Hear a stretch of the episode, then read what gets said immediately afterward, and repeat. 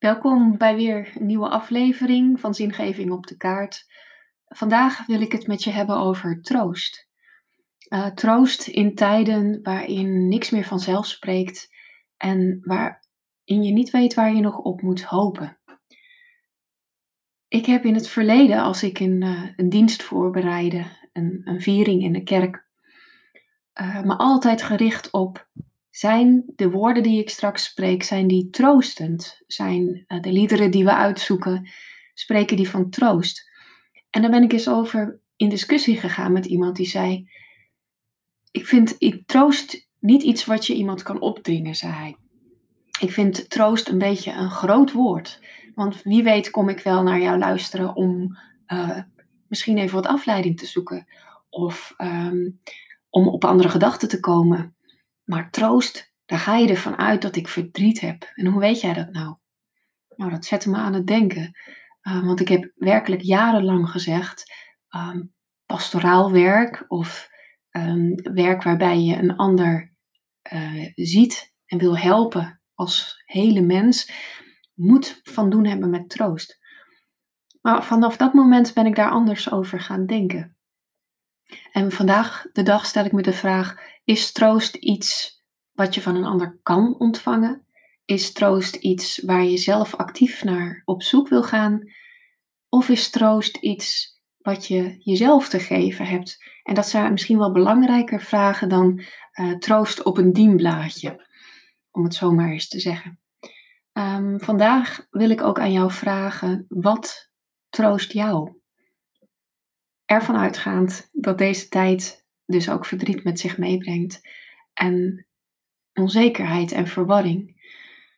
Wat troost jou en wat heeft jou in het verleden kunnen troosten?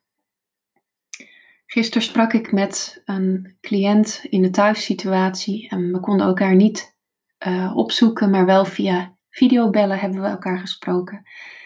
En zij deed haar verhaal wat me best verontrustte. Ze vertelde dat zij, ze is al langer van thuiszorg afhankelijk, um, dat de thuiszorgmedewerker zonder beschermende middelen bij haar kwam. Dus geen mondkapje, geen schort, geen bril, geen handschoenen.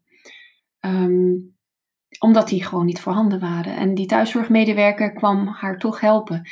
En dat bracht deze mevrouw in een enorme spagaat. Uh, moet ik haar binnenlaten? Ze heeft het gedaan. Moet ik haar uh, toestaan mij te helpen? Ook dat heeft ze gedaan. Maar daarna met zo'n gewetensbezwaar en zo'n angst ook. Want uh, deze mevrouw heeft onderliggend lijden, waardoor ze extra kwetsbaar en vatbaar is. Uh, ze vertelde me van deze situatie en ik heb haar gevraagd: Heeft u ook verteld aan deze thuiszorgmedewerker dat het u zorgen gaf dat zij onbeschermd met u aan de slag ging. Dat had ze niet gedaan. Um, waardoor ze met een nog grotere verontrusting en verdriet achterbleef. Nou is dit niet een verhaal waar je zo 1, 2, 3 een, een antwoord op hebt. Uh, we, we, kunnen ons boos maken over het feit dat er te weinig beschermende middelen voor de thuiszorg voorradig is. Uh, gelukkig maken de juiste mensen zich ook boos, ook richting het kabinet. Uh, om ervoor te zorgen dat de schaarse middelen die er zijn, juist ook bij de thuiszorg terechtkomen. Maar goed, dat is, dat is niet aan ieder van ons om uh, op die manier te handelen.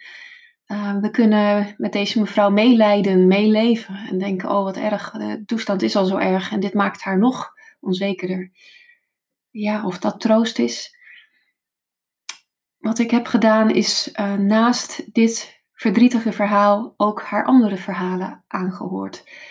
Um, ze heeft alles verteld wat haar dwars zat, um, waar ze bang van werd.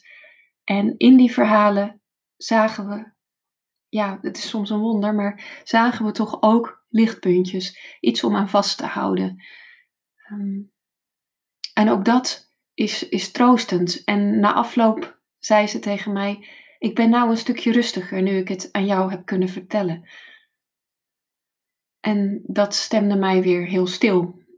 Want wat is het nou werkelijk wat we kunnen doen? Elkaar aanhoren. Misschien is dat wat troost.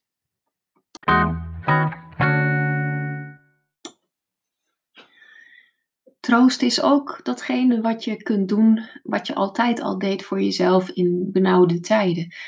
Uh, zo hoorde ik iemand praten over uh, dat ze zo graag wandelingen maakte. Dat ze veel meer mediteerde dan eerst. Dat ze graag naar muziek luisterde, omdat dat haar een beetje troost gaf. Um, zij kwam niet zomaar op deze dingen, want ze was eerst heel erg verdrietig en alleen door het feit dat niemand haar nu kwam troosten. Dat ze het zelf moest doen. Dus dat heeft even wat voet in aarde gehad, tot, tot zij zei: Ja, ik kan het ook mezelf geven. Um, voor kinderen is het misschien ook een idee om lekker een warme deken om je heen te trekken. Uh, en je stevig daarin getroost te weten. Naast natuurlijk de warme armen van je vader of je moeder, die juist nu zo belangrijk zijn. Troost kan ook zijn um, een mooie tekst lezen. Troost kan ook zijn weten dat er mensen zijn die met je meedenken en je tegemoet willen komen.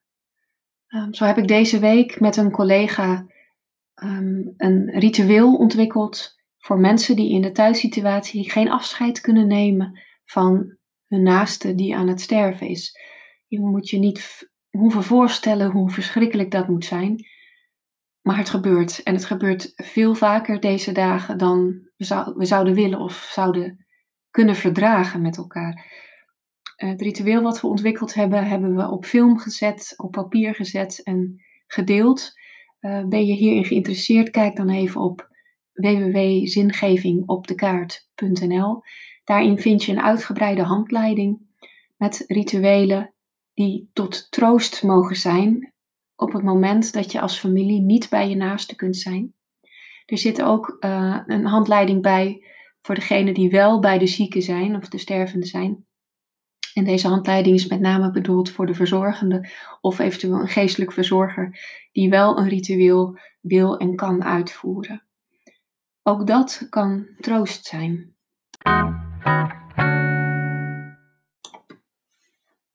En wat troost ook kan zijn, is het besef dat dit voorbij gaat. We zullen er niet ongeschonden uitkomen, maar we weten, dit gaat voorbij. En dat is geen gemakkelijke troost. Ik heb er een verhaal bij wat, wat je misschien goed kan doen. Volgens een oud Soefi-verhaal leefde er in een land in het Midden-Oosten een koning die altijd verscheurd werd tussen geluk en moedeloosheid. Het minste of geringste wekte grote ontsteltenis bij hem. Ten slotte kwam er een moment dat de koning genoeg kreeg van zichzelf en het leven en hij ging op zoek naar een uitweg. Hij liet een wijze man bij zich komen die in zijn koninkrijk woonde en erom bekend stond dat hij verlicht was. Toen de wijze man kwam, zei de koning tegen hem: Ik wil net zo zijn als u. Kunt u me iets brengen dat evenwicht, sereniteit en wijsheid in mijn leven brengt? Ik betaal elke prijs die u vraagt. De wijze man zei: Ik denk dat ik u kan helpen. Maar de prijs is zo hoog dat uw hele koninkrijk als betaling niet genoeg zou zijn. Daarom maak ik er een geschenk van, als het u eer aandoet. De koning gaf hem zijn woord en de wijze man vertrok. Enkele weken later kwam hij terug en gaf de koning een sierlijk bewerkt jadedoosje. De koning maakte het doosje open en vond er een eenvoudige ring in.